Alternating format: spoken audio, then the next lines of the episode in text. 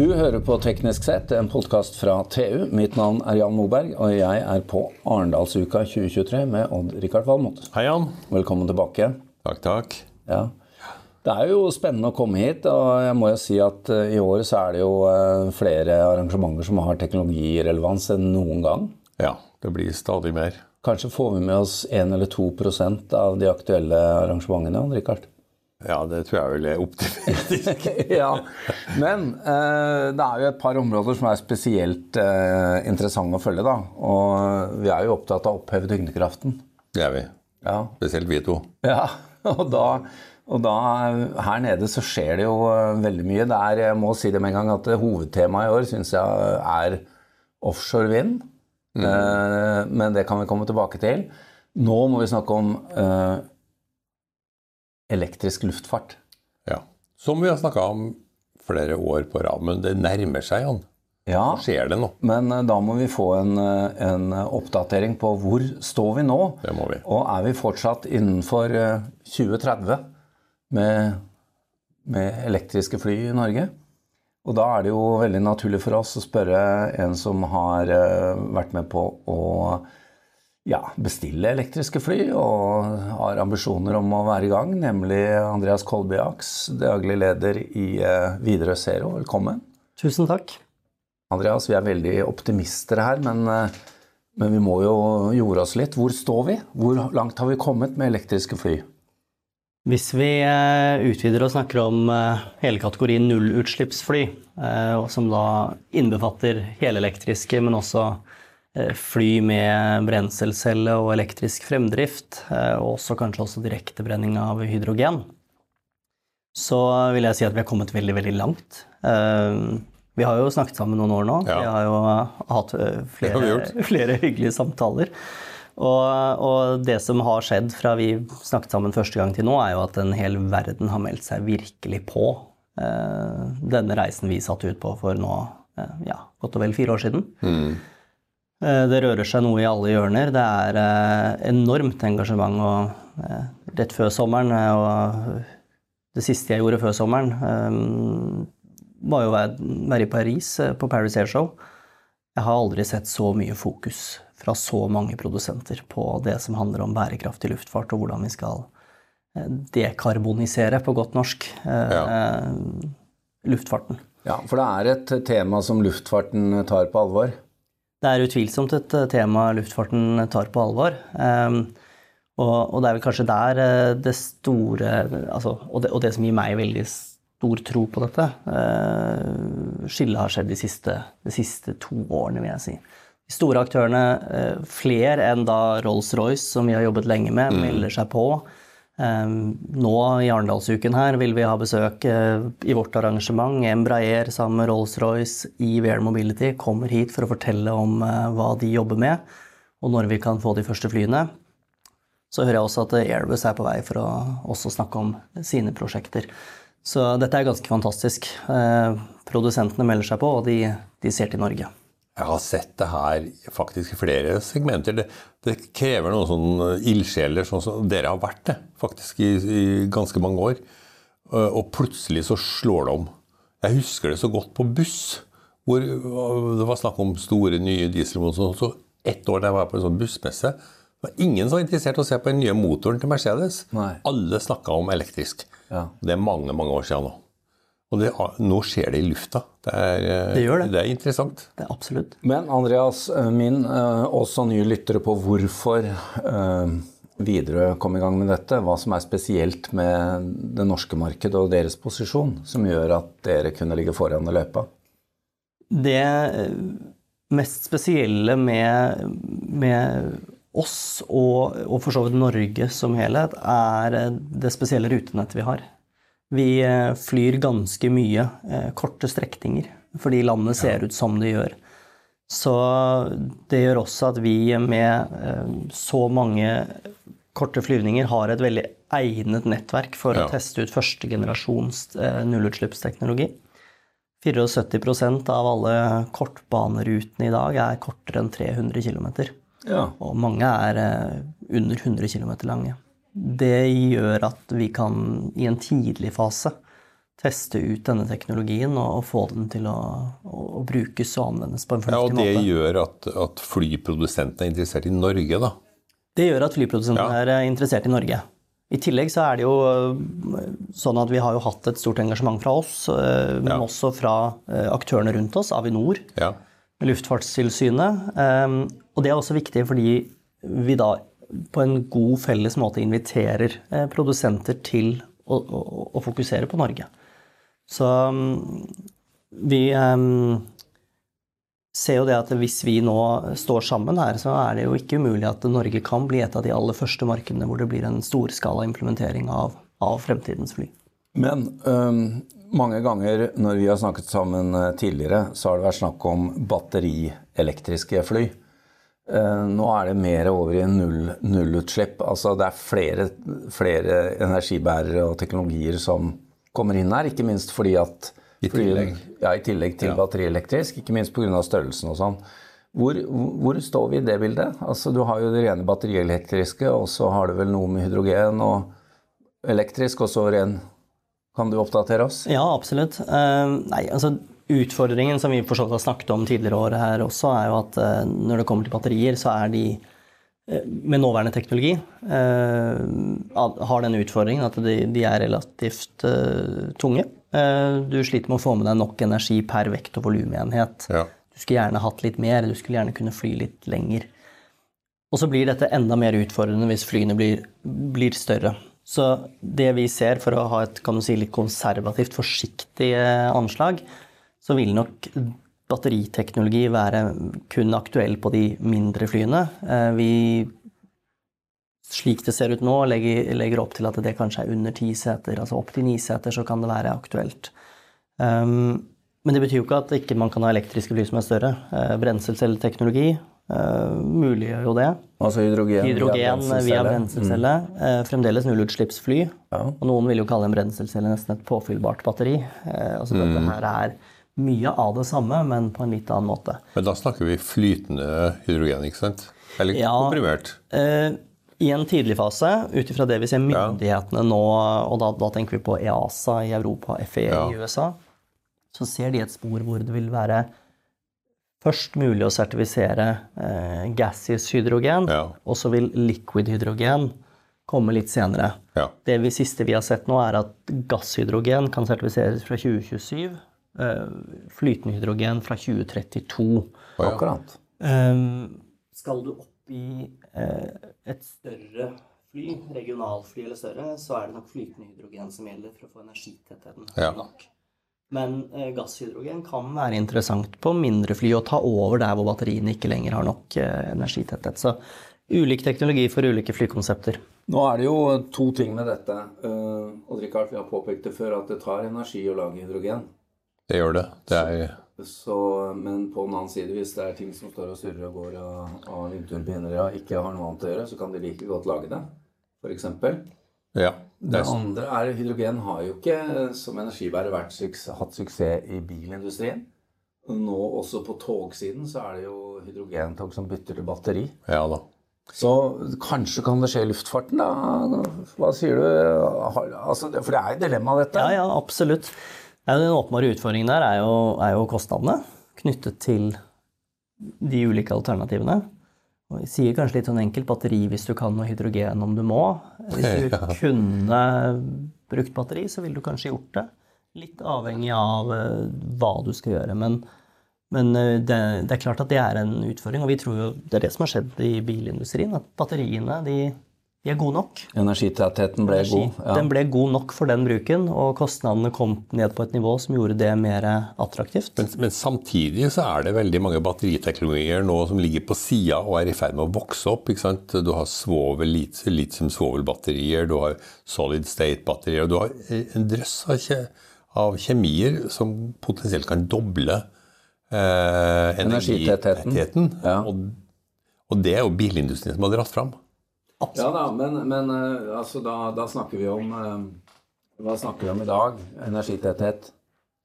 Nei, da snakker vi om 250 eh, wattimer per, per kilo. Ja. Ja. Kommer vi opp i 500, så er det et helt annet ballgame. Ja, det er, ja, det er et annet ballgame, men jeg er nok av den oppfatning at selv om vi kommer oss opp på, på 500, så vil det muliggjøre bedre rekkevidde. Det vil muliggjøre litt større fly, men eh, Ser vi på regionalsegmentet eller i litt altså, Du kommer, kommer ikke opp i veldig mange passasjerer per uh, Du vil allikevel være Kanskje vi da vil komme opp og klare en 19-seter som fløy en OK distanse. Ja, ja. Men skal vi opp på regionalsegmentet, så vi vekk, har vi fort vekk behov for en enda høyere energitetthet enn det. Vi må noen knepp til opp. Men, men bare først her. Nå, nå, høres du ut som du snakker litt ned, eh, Andreas. Hva, må du korrigere deg selv? Ja. Hører jeg riktig? Du mister noe. Ja. Nei, eh, jeg tenker at det, for oss som skal eh, ikke bare anskaffe fly, men også dra med oss et økosystem inn, så er det, så er det aller viktigste at vi har et litt sånn omforent bilde på hva vi tror er mulig. Og så er det bare sunt at det er litt ulik grad av optimisme mellom ulike produsenter og, og, og også operatører. Ja, ja. Men, og, vi, og, ingenting håper vi mer enn at batteriene blir eh, så gode som bare det er mulig å få dem. Men eh, det er allikevel sånn, tror vi, at vi vil ha behov for begge deler. Eh, vi ser at eh, batterielektriske konsepter vil fungere i de minste segmentene. Ja. De kommer til å være kjempeviktige, og vi må uansett bygge ut den infrastrukturen. Ja, og første flight snakker vi om årstall nå? Nei, vi, eh, vi ser jo at helelektriske konsepter opp til da eh, ni seter mm. vil jo typisk være segmentet vertical take and landing-fly, som er ja, opp til, opp til denne størrelsen. Og helelektriske fixed wing-fly. Um, vi har tidligere snakket om Technom Peebles, og Aviation Alice, som fløy sin første flyvning i USA i, i høst. I dette segmentet så ser vi en lansering eh, for begge deler, IV12-konsepter og, og, disse, rundt 27-28. Ja. Um, når vi snakker om hydrogenelektriske fly, så kan nok de lanseres, og de flyr jo allerede i England nå, ja. hydrogenelektriske fly. Um, vi var også så på en Dash 8 som fløy hydrogenelektrisk med én hydrogenelektrisk motor på en vinge i USA ja. uh, tidligere i år. Så dette er jo luften allerede, det flyr. Ja. Men eh, kommersialisering av hydrogenelektriske konsepter, da er vi nok litt inn på 2020 Var det en forbrenningsmotor, da? Det var en, nei, det var en, altså en, en fuel cell-elektrisk okay, ja eh, konstellasjon på en Dash 8. Så, vi, så, da er vi på 2030. Bra. Vi må bytte, ikke bytte tema, men du har nevnt det allerede, Andreas. Eh, EVOTL. Ja, det er et vanskelig ord. V12. Ja. EV12. E-V12. Ja. ja. For dette er, jo, dette er, jo, et tillegg til ja. det vi har snakket om tidligere, hvor dere også går inn. Forklar. Ja. Vi eh, signerte en intensjonsavtale på å kjøpe eh, e-V12, som det heter eh, på godt norsk, da. Electric Vertical Takeoff and Landing-konsept. V12 er et kjent konsept fra Forsvaret. Mm. At du kan ta av landet vertikalt. Det dette her er, er små elektriske fly, men som også har den egenskapen at de kan ta over landet uten rullebane. Eh, noen vil kalle det et elektrisk helikopter, men det er allikevel ikke helt det, for det er mer et fly. Dette er et fly som flyr med løft over vingene sine. Ja. Når det først er oppe? Ja. Når det først er oppe, mm. Og det er veldig mye mer energieffektivt ja. enn å holde seg oppe i en roterende rotor. Ja. Så det er en hybrid, kan vi kalle det, mellom et fly og et helikopter. Vi tror at det kan skape en helt ny form for mobilitet. Ja, For dette er jo et segment dere ikke er i i dag. Absolutt. Det er ute på båter ut av øyene og sånne andre ting. da. Ja, Så dette her er mer i tillegg til, mer enn ja. istedenfor eh, kortbanenettet, og mer et supplement til kortbanenettet, hvor kortbaneflyplassene kan utgjøre navet i disse mindre nettverkene. Så dere tar skrittet ned, da, faktisk? Eh, enda mer finsegmentert? Eller ut til øyene, ja, ja, ja. ja om du vil. Videre over all over the place? Um, det er rundt 200 helikoptre uh, som flyr i Norge i dag. Um, disse fartøyene vil jo operere på et helt annet kostnadsnivå enn helikopter gjør.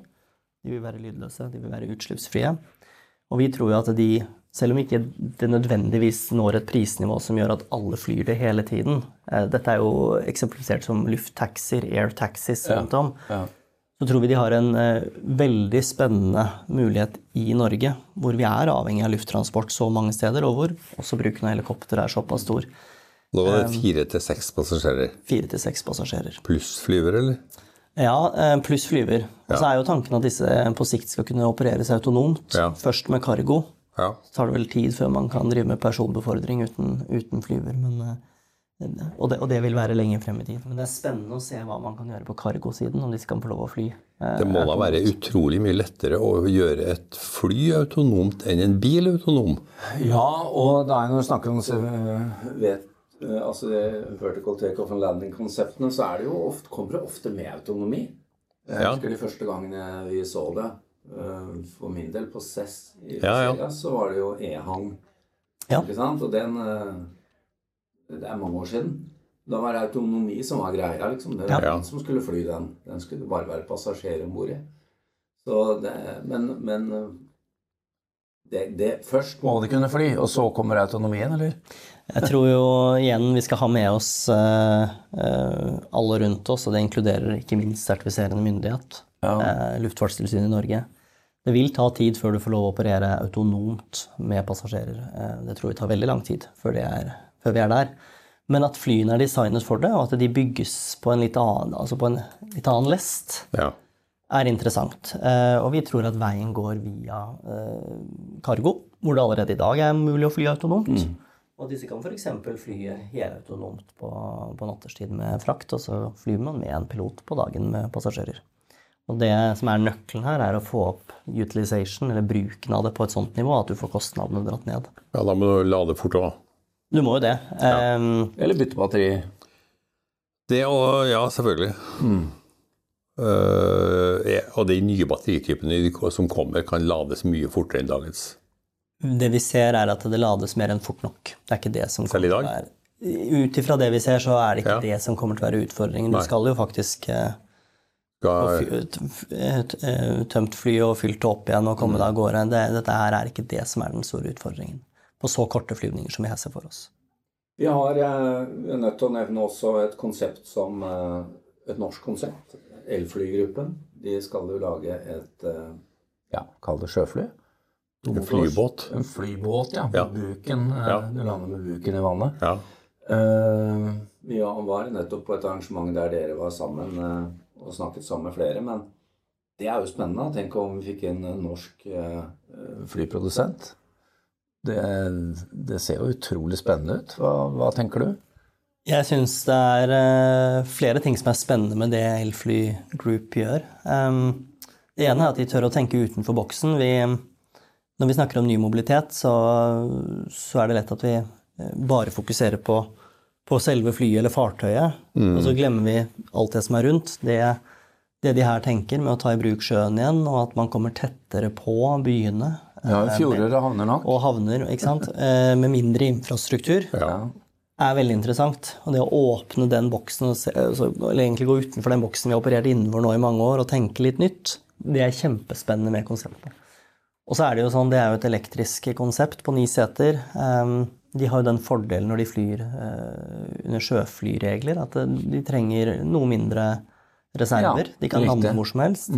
Og de optimaliserer på mange måter det potensialet som ligger i, i uh, helelektriske konsepter. I den fleksibiliteten, ja. De har jo tatt et gammelt konsept, for sånn var jo fly før krigen. Ikke? Hvor det ikke fantes flyplasser. Da landa de på sjøen. Ja. I Norge også. Det var jo masse rutetrafikk her i Norge med, sjø, med flybåter. Det var der, I Oslo. Ja, Ja, så fly, flyhavn der. Tyskerne landet fullt av flyplasser, og så det var det Widerøe startet som. var det det? Ja, Som det var det vel. sjøflyselskap. Ja visst. På Ingerstrand. Ja. Andreas, vi eh, må avslutte. Vi får nevne da at vi har veldig lyst til å høre med deg hvordan det virker nå når dere får nye eiere. Men det kan vi kanskje vente til det er avklart. For dere har vel ikke kunnet begynne å, Nei, vi utforske det eh, territoriet ennå? må nesten vente til Konkurransetilsynet har gjort sin jobb. Og så Men det er vi, litt spennende. det er alltid spennende når sånne ting skjer, og så får vi vente og se hvordan det blir når vi har konkludert. Andreas Kolbiaks, lykke til videre. Og vi eh, Videre, videre, ja, ikke sant? Videre, videre. vi, vi, vi eh, får en oppdatering når neste milepæl nærmer seg. Takk til Odd-Rikard, og mitt navn er Jan Moberg.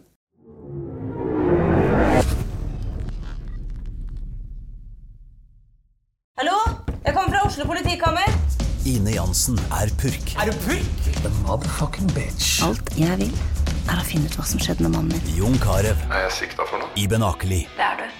Ole So, Lars Berrum og Big Daddy Karsten. Hvem sin side er du på, egentlig? Anette Hoff, Tone Danielsen. Kommer du fra Afrika? Jørnis Josef. Nesten kløfta. Trond Espen Seim. Det er synd å si det, men det var feil mann som døde. Purk. Premiere søndag på TV2 Play. Har du et enkeltpersonforetak eller en liten bedrift? Da er du sikkert lei av å høre meg snakke om hvor enkelt det er å sende faktura med fiken. Så vi gir oss her, fordi vi liker enkelt. Fiken superenkelt regnskap. Prøv gratis på fiken.no. Driver du en liten bedrift? Da tenker du sikkert at dette er en reklame for fiken. Men det er det ikke, for vi er Folio. Folio er en banktjeneste for bedrifter, og vi er fikenbrukerne sin absolutte favoritt. Med Folio får du nemlig en superenkel nettbank og kjappere regnskap. Dessuten får du påminnelser om alt du ellers må huske på. Med Folio er alt samlet på ett sted, og du får umiddelbart kontroll over utgifter og kvitteringer. Besøk folio.no og se hvorfor bedrifter foretrekker oss fremfor de store bankene. Folio smartere enn banken.